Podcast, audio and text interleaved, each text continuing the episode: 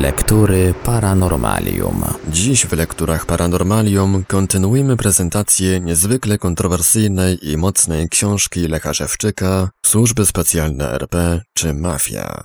Zapraszamy do słuchania.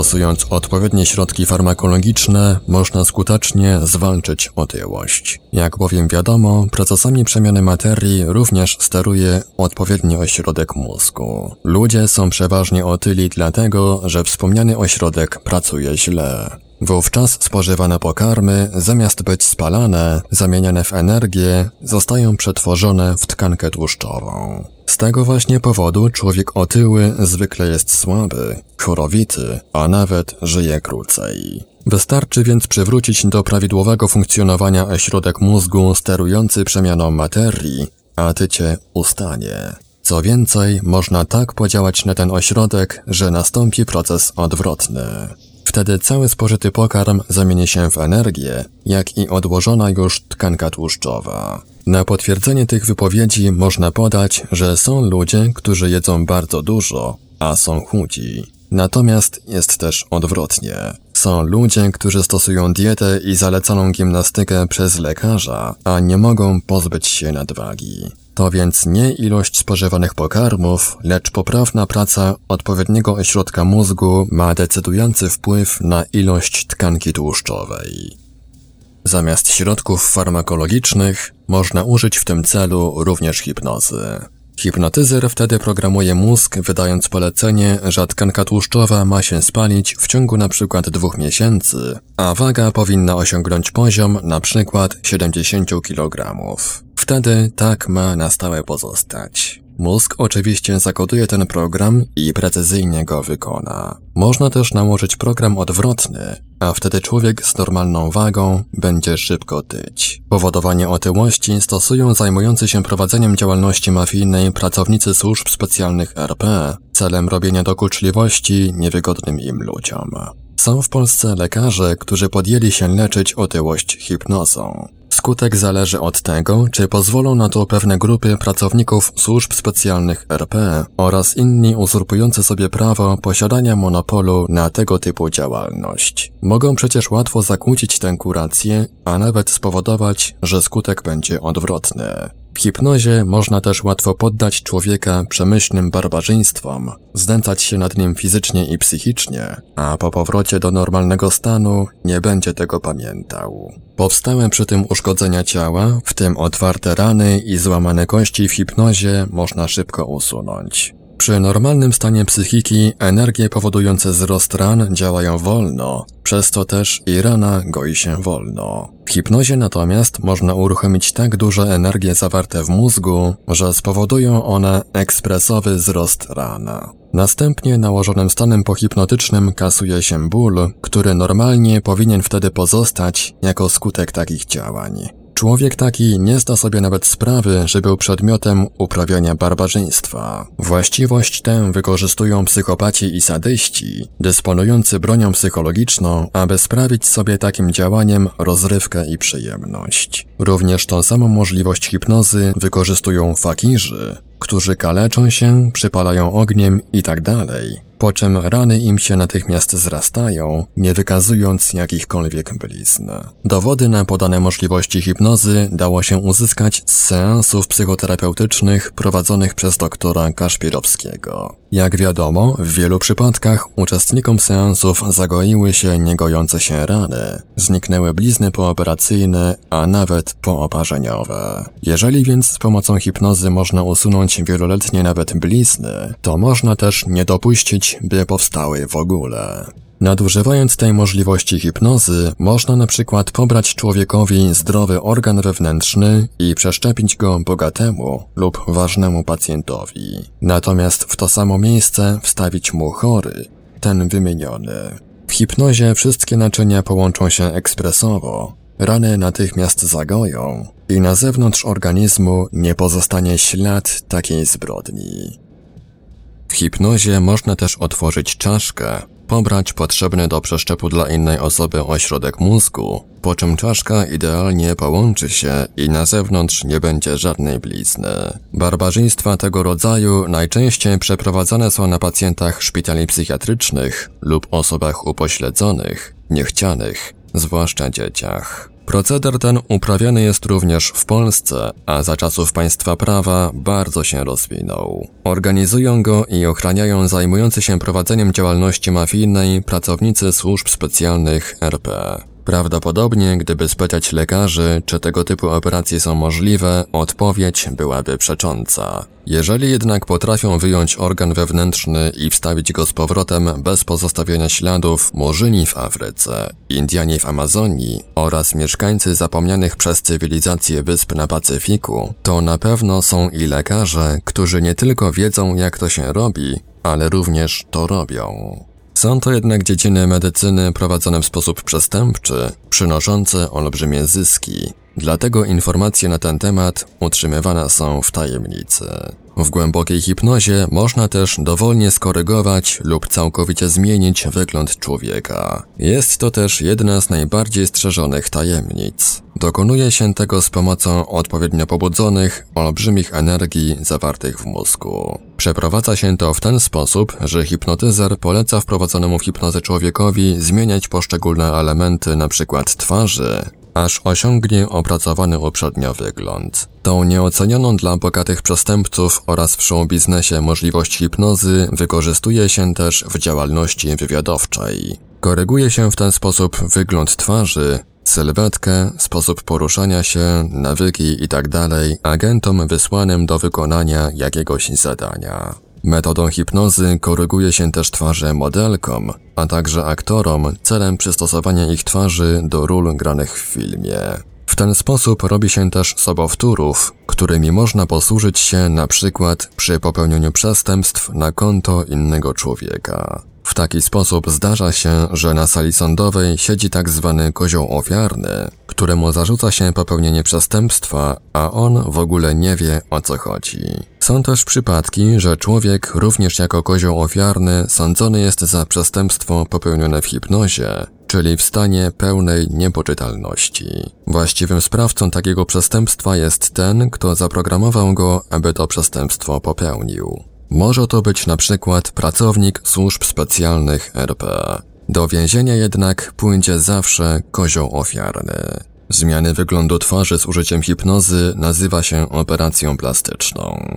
Często myli się pojęcia, nazywając tak operację chirurgiczną zmiany twarzy. Zmieniając cokolwiek plastycznie, nie dodaje się i nie ujmuje materiału wstępnego, a tylko formuje go. Tak właśnie przebiega operacja plastyczna twarzy, czyli przez odpowiednie uformowanie jej. Natomiast jeżeli chirurg wycina kawałki z kości twarzy i w taki sposób nadaje jej nową formę, wtedy jest to operacja chirurgiczna twarzy. Operacji plastycznych twarzy nie dopuszcza się do powszechnego stosowania, a nawet utrzymuje się w tajemnicy, że w ogóle jest taka możliwość. Ci, którzy posiadają monopol na tę działalność, skutecznie potrafią uniemożliwić powstanie jakiejkolwiek konkurencji. Podobnie jest w przypadku przeszczepów organów wewnętrznych. Z wielkim trudem możliwość taka przepycha się do jawnego stosowania. Jest to bowiem w obu przypadkach źródło olbrzymich zysków. Im bardziej coś jest niedostępne i chronione, tym więcej za przeprowadzoną operację trzeba zapłacić. Przeszczepiać organy wewnętrzne potrafili już egipscy kapłani, a tylko bardzo długo nie udało się opanować przeszczepiania ośrodków mózgu. Uporano się z tym problemem dopiero w latach 70., stosując przy tym nowoczesną technikę elektryczną. Proponuję samemu domyślić się, w jaki sposób i czyim kosztem to się odbywa, oraz komu służą wyniki tych badań. Niestety w dużym stopniu dotyczy to także Polski. Trafił się dobry przykład, który potwierdza możliwość dokonania zmian plastycznych twarzy metodą hipnozy. Mianowicie w czasie procesu przywódcy byłego NRD, Ericha Honeckera, jeden z oskarżycieli doszedł do wniosku, że trzeba sprawdzić odciski palców oskarżonego. Podejrzewa się bowiem, że na ławie oskarżonych siedzi zamiast Honeckera jego sobowtór. Twierdził dalej, że możliwe było dokonanie takiej zamiany na terenie jednej z ambasad, której ukrywał się Honecker. Informację taką podano w wiadomościach telewizyjnych dnia 26 listopada 1992 roku. Trzeba przyznać, że podejrzenie o zamianie Honeckera na sobowtóra ma sens. Wiadomo bowiem, że Honecker był chory na raka wątroby.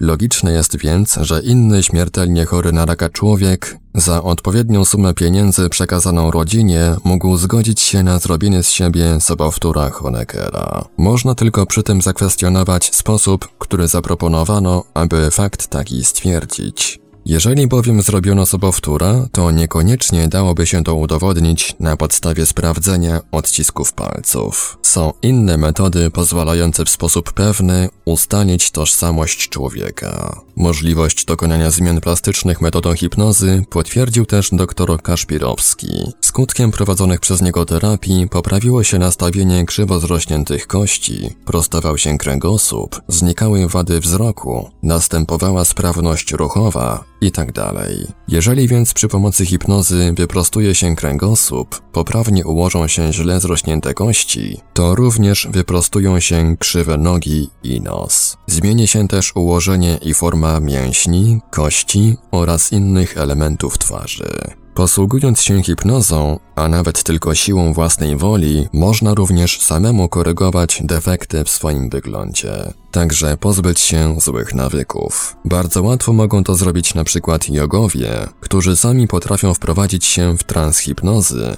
i kontrolować jego przebieg. Mogą też oczyszczać się ze złych programów nałożonych im sztucznie lub przypadkowo, a także nakładać sobie dobre programy. Prowadząc pewne ćwiczenia, można nauczyć się samemu wprowadzać w hipnozę, tak zwany stan somnambuliczny, autohipnoza. Z chwilą wprowadzania się w hipnozę trzeba mieć ułożony program, który chce się, aby został wykonany. Na przykład, aby poprawił się wyraz twarzy, zniknęła krzywizna nosa, wystające żyły, wyprostowały się krzywe nogi, aby powstał dobry nastrój psychiczny itd.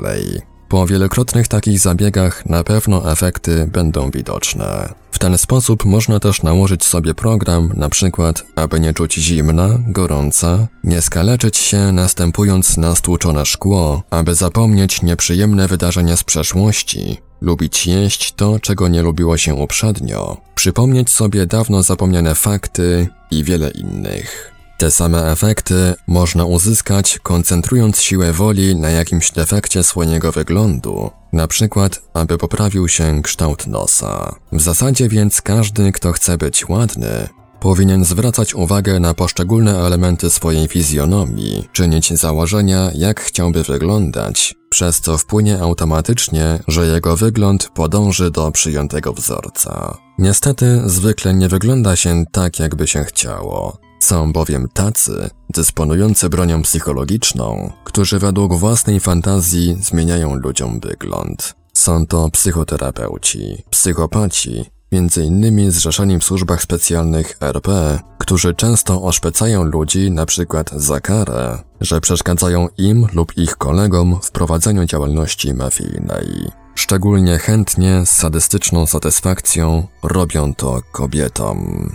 Stwierdzone jest, że przy naturalnym stanie psychicznym człowieka, czyli bez jakiegokolwiek sztucznego pobudzenia, pracuje tylko nieznaczna część mózgu. Oficjalnie podaje się, że jest to około 5%, ale prawdopodobnie cyfra ta jest zawyżona. Są tacy, którzy twierdzą, że znacznie poniżej 1% i wiele wskazuje, że taka jest właśnie prawda. Wystarcza to, aby posiadać normalną sprawność fizyczną oraz intelektualną. Pozostała część mózgu jest w stanie uśpienia i stanowi jakby naturalną rezerwę organizmu. Gdy jakiś ośrodek mózgu zostanie uszkodzony, wtedy można spowodować, że jego funkcję przejmie, z gorszym jednak efektem inny lub zapasowy ośrodek. Trudno jest znaleźć odpowiedź na pytanie, dlaczego natura obdarzyła człowieka komputerem, który jest w stanie użyć tylko w niestacznej części.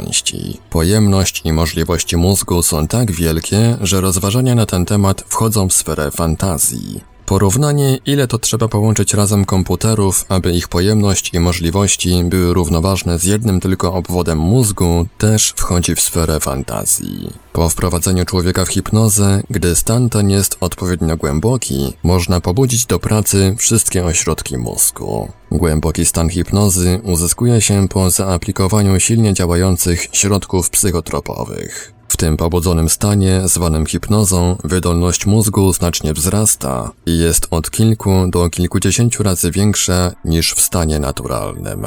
Zależy to od budowy mózgu, w tym ilości posiadanych komórek mózgowych, konkretnie więc od inteligencji wrodzonej człowieka. W tym miejscu początek biorą zjawiska parapsychiczne, magia, siły nadprzyrodzone, efekty specjalne. Powodu tej zwielokrotnionej wydolności mózgu w hipnozie, przyswajalność wszelkich informacji przez mózg jest bardzo duża. Jest to właśnie powodem, że człowiek w tym stanie staje się znacznie sprawniejszy, mądrzejszy, silniejszy itd. Tak Jednakże ta duża aktywność, czułość mózgu w hipnozie powoduje też, że łatwo można człowieka programować, zafałszować, zmieniać mu psychikę, a nawet szybko wymazać z pamięci to, czego się latami w naturalny sposób nauczył. Wymazywanie z pamięci posiadanych informacji nazywa się praniem mózgu, czyli informacje uznane za brudne wypiera się człowiekowi z pamięci, na przykład, aby zapomniał to, co widział, robił, nazwiska osób, ich wygląd itd., tak jeżeli jest to komuś niewygodne.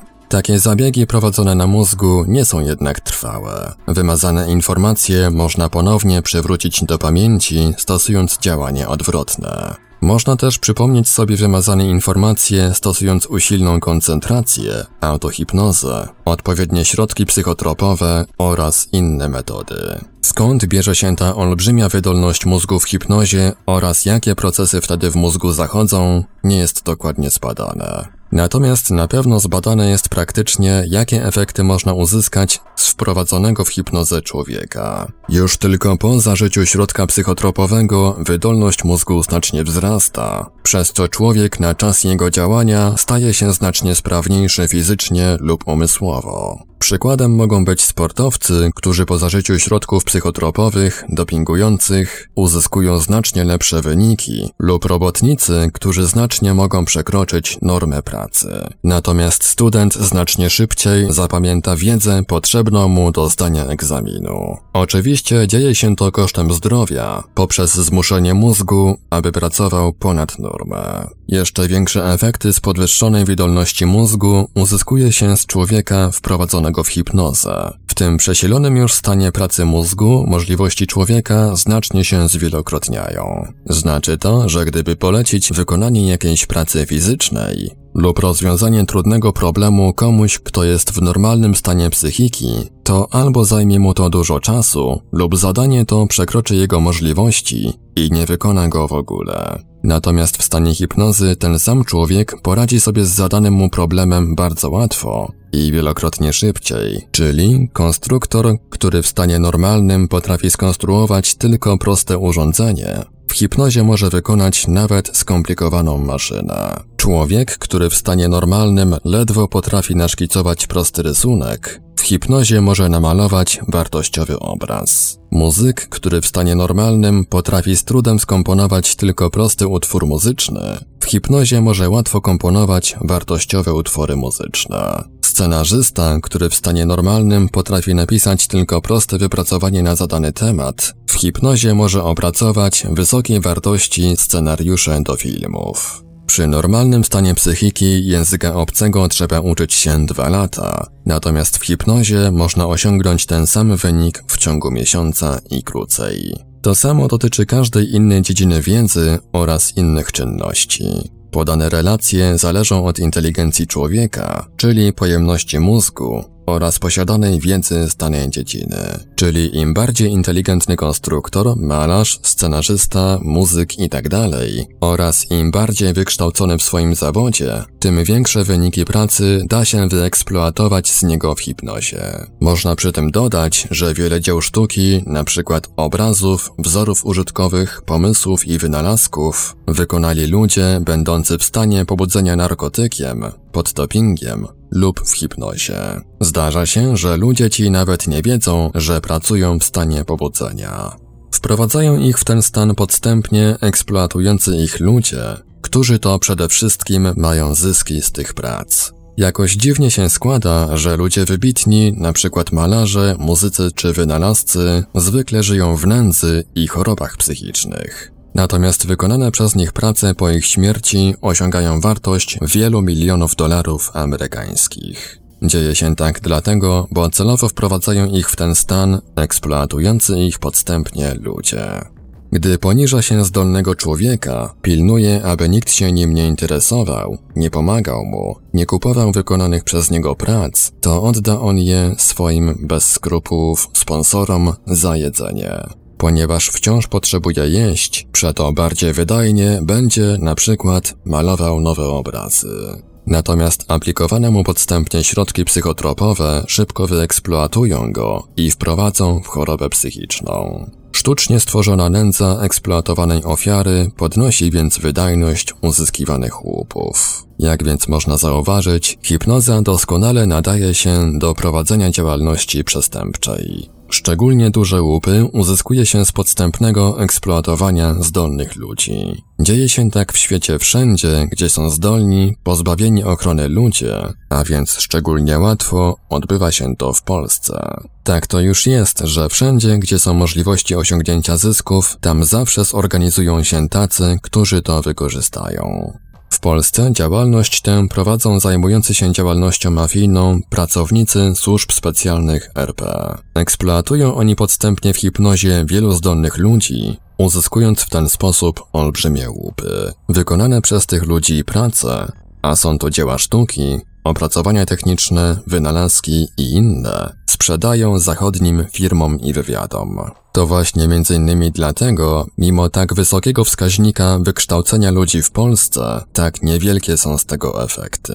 Przy pomocy hipnozy całkiem precyzyjnie da się ustalić przyszłość człowieka, czyli jego los i przeznaczenie. Można to zrobić także z użyciem komputera. Trzeba wtedy wprowadzić do pamięci komputera możliwie najwięcej danych na temat człowieka, którego przyszłość chce się ustalić. Mogą to być dane na przykład na temat wykształcenia, zainteresowań, wykonanej pracy, środowiska, nawyków itd. Oczywiście, im więcej komputer dostanie danych, tym bardziej precyzyjnie ustali się, co zdarzy się w przyszłości. Komputer mózg, pobudzony w hipnozie, zrobi to wielokrotnie dokładniej, a dlatego, bo ma zagotowanych w swojej pamięci najwięcej potrzebnych do tego danych. Również dlatego, bo jego możliwości są wielokrotnie większe niż komputera zbudowanego w sposób mechaniczny. W pewnych przypadkach warto jest mieć informacje na temat swojej przyszłości, na przykład gdyby miało się zdarzyć nieszczęście. Wtedy jest szansa oszukać los i na przykład nie wyjeżdżać za granicę, bo z uzyskanych danych wynika, że to właśnie tam to nieszczęście ma się zdarzyć. Polsce często ustalają przyszłość ludziom zajmujący się działalnością mafijną pracownicy służb specjalnych RP, których podstępnie eksploatują oraz w różnych działaniach wysługują się. Chodzi o to, aby wiedzieli możliwie z dużym prawdopodobieństwem, jakie będą następstwa przeprowadzonych przez nich działań przestępczych, na przykład jakie będą losy ludzi, których użyją przy kradzieży obrazu z muzeum, kościoła itd. Tak Także czy będą konsekwencje wobec nich, jako organizatorów i kierujących popełnieniem przestępstwa oraz co powinni zrobić, aby ich uniknąć. Wykorzystują tę możliwość hipnozy w wielu innych przestępczych celach. W Republice Południowej Afryki zawsze przed przeprowadzeniem akcji militarnych czy specjalnych korzysta się z technik opartych na hipnozie, aby określić ich prawdopodobne wyniki. Na podstawie takich prognoz akcja może być skorygowana, a nawet w ogóle zaniechana. Przypuszczam, że wielu ludziom może wydać to się niepoważne, ale nie mają racji. Wszędzie bowiem, gdzie ma się zdarzyć coś ważnego, gdzie ryzykuje się życiem ludzkim, mądrzy ludzie skorzystają z takiej możliwości, aby wydane przez nich decyzje nie przyniosły szkody. Zjawiskami parapsychicznymi oraz hipnozą doskonale posługują się artyści w cyrku. Obserwując ich pokazy można zauważyć, że na przykład znikają przedmioty, pojawiają się w innych miejscach, przemieszczają same, przenikają jedne przez drugie lub przemieniają w inne. Również przy pewnego rodzaju popisach cyrkowych można widzieć, jak z ludźmi dzieją się dziwne rzeczy, a nawet znikają i w tym samym momencie są już w innym miejscu. Dla ludzi, którzy mają już pewne informacje na temat hipnozy i parapsychologii, pokazy cyrkowe są dobrym potwierdzeniem praktycznym zdobytej przez nich wiedzy. Łatwiej im wtedy pojąć, że nawet bardzo nieprawdopodobne informacje na temat hipnozy są jednak prawdziwe.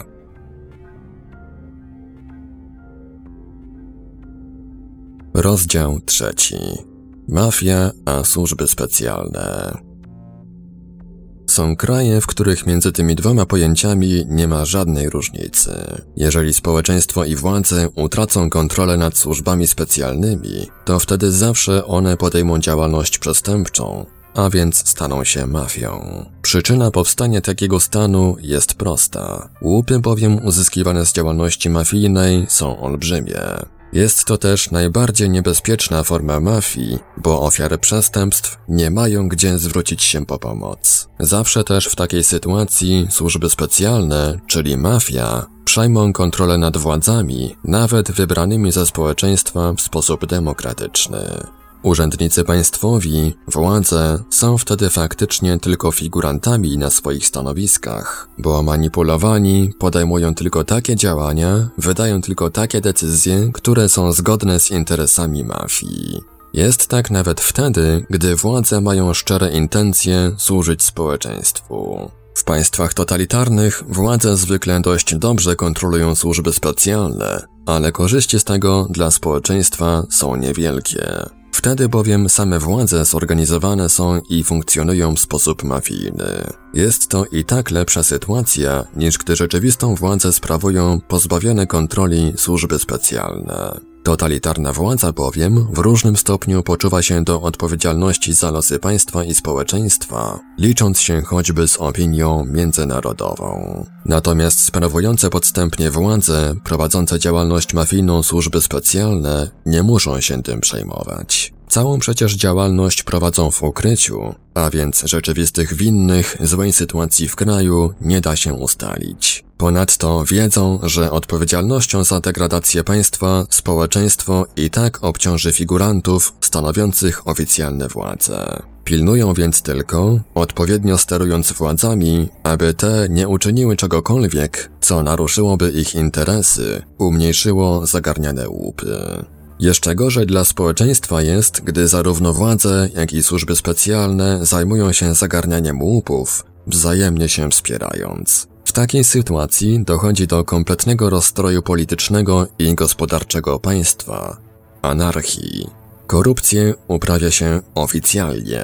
Prawo działa tylko wobec tych, którzy ukradli zbyt mało i nie mają za co się wykupić. Krajach totalitarnych zwykle nie ma mafii jako osobnej organizacji przestępczej. Jest tak dlatego, bo funkcję tę pełnią wspólnie władze oraz służby specjalne. W taki sposób nie mają konkurencji, a więc tylko im przypada ewentualny łup, który da się w kraju zagarnąć. Jest to przy tym dowód, że jednak można uniemożliwić powstanie przestępczości zorganizowanej. Jak wiadomo, w krajach rządzonych demokratycznie, w których społeczeństwa kontrolują władzę, a te z kolei służby specjalne, działają silne organizacje mafijne. Prosperują one mimo olbrzymich środków, którymi społeczeństwa tych krajów starają się te organizacje zwalczyć.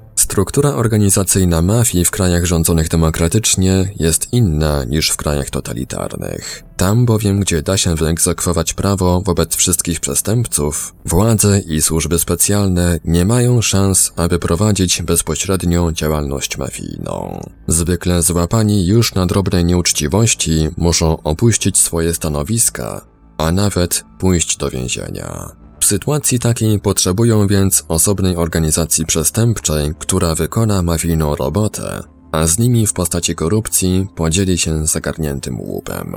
Ta korupcja właśnie jest przyczyną, że mafii nie da się zwalczyć. Wiadomo z różnych źródeł, że na listach płac mafii są politycy, prokuratorzy, sędziowie, oficerowie służb specjalnych, policji, wojska oraz inni wpływowi ludzie, którzy w razie potrzeby czy zagrożenia są mafii przydatni. Gdyby więc zwalczono mafię, wtedy wszyscy z mafijnej listy płac straciliby olbrzymie dochody, przy których zwykle ich oficjalna pensja jest pozycją mało istotną. Tego właśnie powodu często działania przeciwko mafiom są tylko pozorne, przez co nie dają pełnych rezultatów. Zdarza się, że ci, którzy je prowadzą, sami wplątani są w działalność mafijną lub figurują na listach płac mafii. Można więc powiedzieć, że działania przeciwko mafii polegają na tym, że nie pozwala się jej urosnąć ponad pewien poziom. Jest nim zdolność kontrolowania poczynań mafii przez służby specjalne. Ważny wpływ na całokształt funkcjonowania państwa, w tym na zakres działania mafii, ma morale służb specjalnych.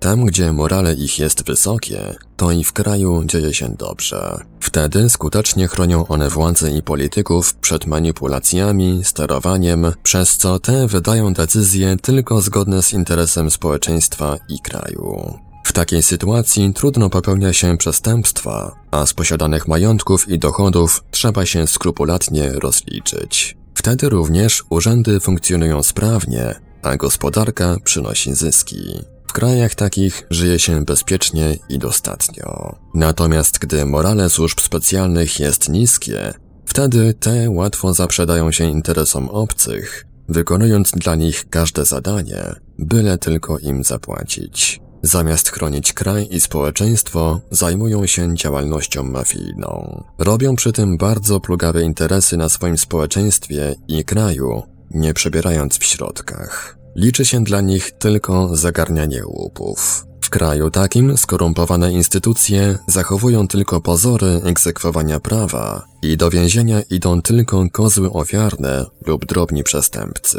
Następuje rozkład państwa, szpiegostwo, manipulowanie władzami, jawna korupcja, rozkradanie majątku narodowego, nędza uczciwej części społeczeństwa.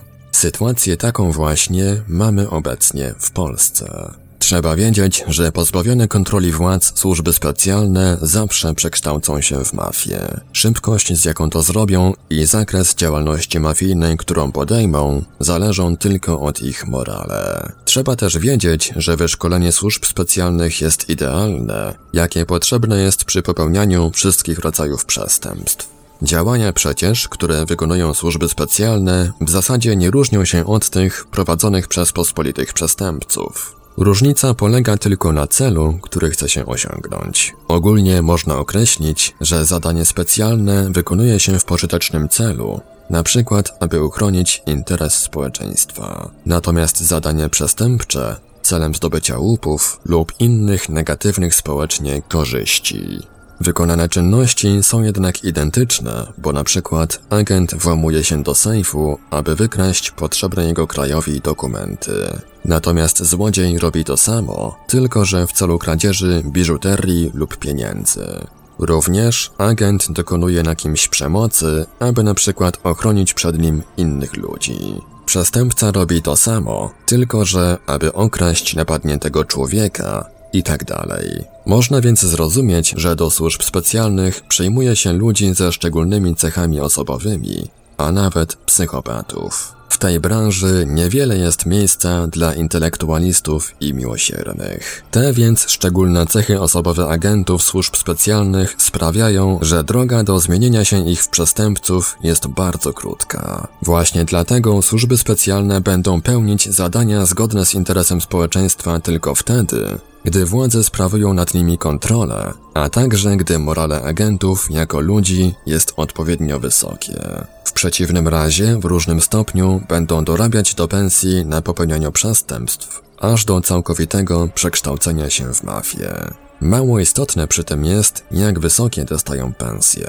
Gdy morale agenta jest niskie, to nawet gdyby jego pensja wynosiła 100 tysięcy dolarów amerykańskich, to też postara się dorobić dodatkowych 50 tysięcy dolarów, na przykład za sprzedanie młodego człowieka w kraju lub za granicę, jako dawcę organów wewnętrznych do przeszczepów. Przecież i tak nikt go nie kontroluje, nikt nie ukaże, a inni agenci też to robią. Lub inny, może jeszcze bardziej plugawy biznes. Musi jednak przy tym pamiętać, aby ustaloną część łupów przekazał przełożonym. Niestety, morale służb specjalnych RP jest bardzo niskie, a przy tym od kilku lat i władze straciły nad nimi kontrolę. Wnioski więc, czym się zajmują i dlaczego w Polsce uczciwie pracującym jest coraz gorzej, nasuwają się same. Najbardziej zaangażowane w działalność mafijną jest wywiad RP, niekontrolowany w kraju i za granicą przez jakiekolwiek instytucje państwowe. Wszelkie zwierzchnictwo i podległość instytucjom parlamentarnym wywiadu RP stało się fikcją. Z uwagi na rozmiary korupcji i słabość władz, w Polsce mogą działać całkowicie bezkarnie. Łupy więc, które uzyskują z działalności mafijnej na polskim społeczeństwie i w Polsce są olbrzymie. Daje się to zauważyć po stanie budżetu państwa i aferach, które w Polsce, jeżeli zostają wykryte, to co najwyżej przez dziennikarzy, osoby prywatne lub zachodnie służby specjalne. Jak już można twierdzić, organizatorów, a także sprawców tych afer nigdy nie da się ustalić. W Polsce istnieje pewien poziom przestępców, których ściganie nie dotyczy. Nawet gdzie dziennikarze lub osoby prywatne wykryją jakieś fakty prowadzące do takich przestępców, to zawsze na pewnym poziomie prowadzenia śledztwa sprawa zostaje zatuszowana. Powodem jest właśnie korupcja i udział w olbrzymich mafijnych łupach osób odpowiedzialnych za bezpieczeństwo oraz ochronę ludności i kraju. Po II wojnie światowej Polska znalazła się w obcej Polakom ideologii. Znaczna część społeczeństwa nie chciała zaakceptować takiej rzeczywistości, podejmując z władzami tamtego okresu różne formy walki. Komunistyczne władze potrzebowały więc do swojego aparatu ścigania i bezpieczeństwa szczególnego charakteru ludzi, którzy bez przebierania w środkach rozprawialiby się z opozycją. Normalni ludzie przecież nie nadawaliby się do wyrywania paznokci, wybijania zębów, łamania kości, topienia w łajnie oraz jeszcze bardziej przemyślnego torturowania i mordowania. Natomiast psychicznie chorzy, wyszukiwani na pracowników służb specjalnych, robili to z wymaganą skutecznością. Jeżeli ktoś nie wierzy, że do wykonania takiej barbarzyńskiej roboty nadają się tylko psychiczni, to niech zastanowi się, czy sam, uważając się za normalnego, wydałby polecenie lub osobiście mordowałby oraz torturowałby fizycznie i psychicznie niewinnych, bezbronnych ludzi. Znaleźć tego typu fachowców do służb specjalnych czyli do mokrej roboty, jest najłatwiej. Nabór ich przeprowadza się w środowiskach przestępczych i tak też robiły ówczesne władze PRL. Przyszło im to szczególnie łatwo, gdyż były to czasy, w których wielu ludziom psychiki wybaczyły okrucieństwa wojny. Z materiałów, które z tamtych czasów pozostały, można wnioskować, że wielu z nich było odpowiednio programowanych przez specjalne grupy operacyjne, aby szczególnie bezwzględnie wykonywali powierzoną im misję. To tłumaczy fakt, że w życiu codziennym, rodzinnym zachowywali się normalnie, a dopiero w robocie ożywały w nich zbrodnicze skłonności. Taki był początek służb specjalnych PRL, ale przecież musieli też przygotować swoje przyszłe kadry. Pierwszą selekcję kandydatów w tym celu przeprowadzali już w przedszkolach. Wiadomo, że symbolicznie płatne przedszkola to duże dobrodziejstwo socjalizmu, ale były tego i bardzo złe strony.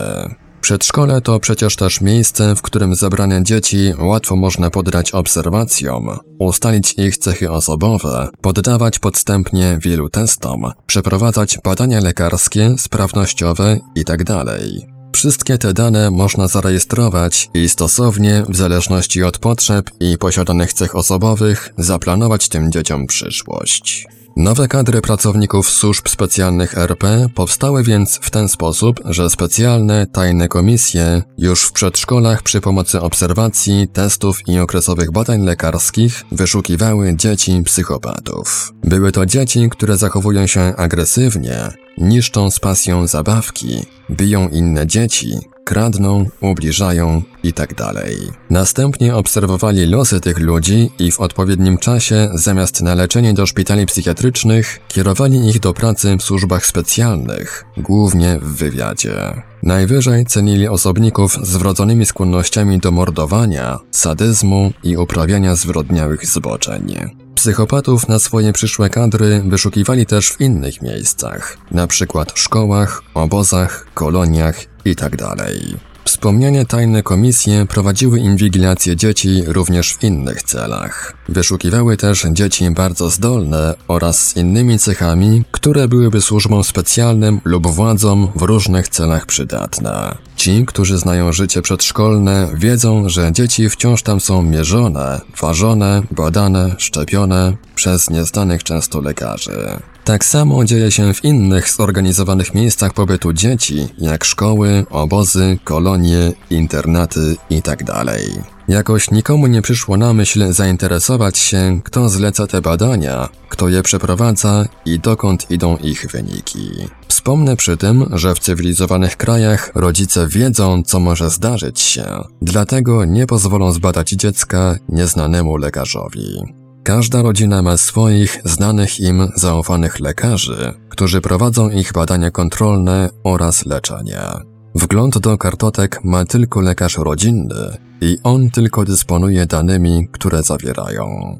W krajach, które rzeczywiście dbają, aby każdemu żyło się bezpiecznie, dane osobowe każdego obywatela są tajne. Nie wolno ujawniać cech charakteru, posiadanych zdolności, stanu zdrowia, grupy krwi itd. Tak w Polsce natomiast tak jest ustawione społeczeństwo, że każdy daje się byle komu zbadać, szczepić, leczyć, przyjmuje lekarstwa niewiadomego pochodzenia, chwali się, że jest dobry w muzyce, matematyce, gimnastyce, podaje swoją grupę krwi itd. Poszukiwacze młodych talentów organizują lub obserwują różne imprezy, konkursy i kółka zainteresowań, gdzie łatwo daje się ustalić zdolności i cechy osobowe ludzi. Dane osobowe człowieka to cenna informacja dla handlarzy ludźmi oraz innych przestępców potrafiących podstępnie wykorzystywać zdolnych ludzi. Polska jest więc doskonałym miejscem, gdzie łatwo można wyszukać człowieka z odpowiednimi cechami osobowymi lub grupą krwi. Dane te gromadzą i rejestrują zajmujący się prowadzeniem działalności mafijnej pracownicy służb specjalnych RP. W taki sposób mogą szybko zaproponować i sprzedać zagranicznym handlarzom interesujących ich ludzi. Najprostszym sposobem dostarczania sprzedanych ludzi za granicę jest podstępne ich zaprogramowanie, wywołanie im odpowiedniego poczucia, aby wyjechali do zasugerowanego im kraju. Jeżeli trzeba dostarczyć kogoś szybko, wtedy stosują inne, bardziej barbarzyńskie metody. Wielu młodych, zdolnych, wykształconych ludzi wyjeżdża za granicę z myślą, że robi to z własnej woli. W rzeczywistości zostali sprzedani i zaprogramowani do tego wyjazdu. Gdy ktoś znajdzie się już w kraju, do którego go sprzedano, tak nim pokierują, że na pewno trafi do miejsca przeznaczenia i spotka go to, co z nim zaplanowano. W obecnych czasach celem wczesnego wyszukania zdolnych dzieci z odpowiednimi cechami osobowymi pomaga współczesna elektronika. Przy pomocy odpowiednich urządzeń elektronicznych, np. w przedszkolach i szkołach, łatwo można prowadzić podgląd i podsłuch dzieci, a także zdalnie, podstępnie sugerować im wykonanie testowych czynności. Całość można przy tym nagrać na taśmę magnetyczną. W czasach powojennych, zanim dało się posłużyć elektroniką, przedszkolanki konfidentki wskazywały pracownikom służb specjalnych dzieci, które ładnie rysują, śpiewają, wysławiają się poprawniej od innych, łatwiej rozumieją i wykonują różne czynności, posiadają dobrą sprawność fizyczną, poprawnie wykonują zadania testowe w postaci układanek, rebusów oraz inne, zadane im do wykonania w formie zabawy itd. Tak Następnie odbywały się dalsze specjalistyczne badania testowe i lekarskie tych dzieci, robione bez wiedzy i zgody rodziców. Wszystkie testy prowadzili podstępnie tak, że pozornie wyglądało, że są to zabawy lub inne czynności mające na celu zajęcie czymś dzieci. Przemieszczali też dzieci do innych przedszkoli pod jakimś pretekstem, w których łatwiej mogli wykonać potrzebne im badania i testy. W taki sposób władze PRL miały wyselekcjonowanych ludzi, nad którymi mogły sprawować tajny nadzór, kierować ich losami oraz zatrudniać w miejscach i przy pracach według swoich planów. Były to przecież czasy wyścigu technicznego oraz ideologicznego z Zachodem. Prowadzący te działania pracownicy służb specjalnych, nie wszystkich jednak wyszukanych zdolnych ludzi ujawniali władzom. Część z nich tych najbardziej zdolnych otępiali metodami operacyjnymi lub ogólnie mówiąc bronią psychologiczną. W ten sposób ludzie ci w swoich środowiskach nie wyróżniali się od innych, uchodzili za przeciętnych, przy czym sami nie wiedzieli, że są zdolni. W wielu przypadkach otępiali tych ludzi znacznie poniżej przeciętnego poziomu, aż do stanu robienia z nich przygłupów i wariatów. Łatwo zrozumieć, że tym barbarzyńskim sposobem bardzo skutecznie tuszowali ich zdolności. Wśród więc wyszukanych ludzi, tych najbardziej zdolnych zatrzymywali do własnej dyspozycji, aby ich podstępnie eksploatować. Ponieważ sami nie potrafili przerabiać zdolności tych ludzi na pieniądze, angażowali w tym celu pośredników, również z krajów zachodnich. Zagraniczni pośrednicy zabierali wykonane prace, dając pracownikom służb specjalnych skromny udział w wyeksploatowanym łupie. Jednakże większość wyszukanych ludzi w różnym wieku sprzedali i wciąż sprzedają za granicę.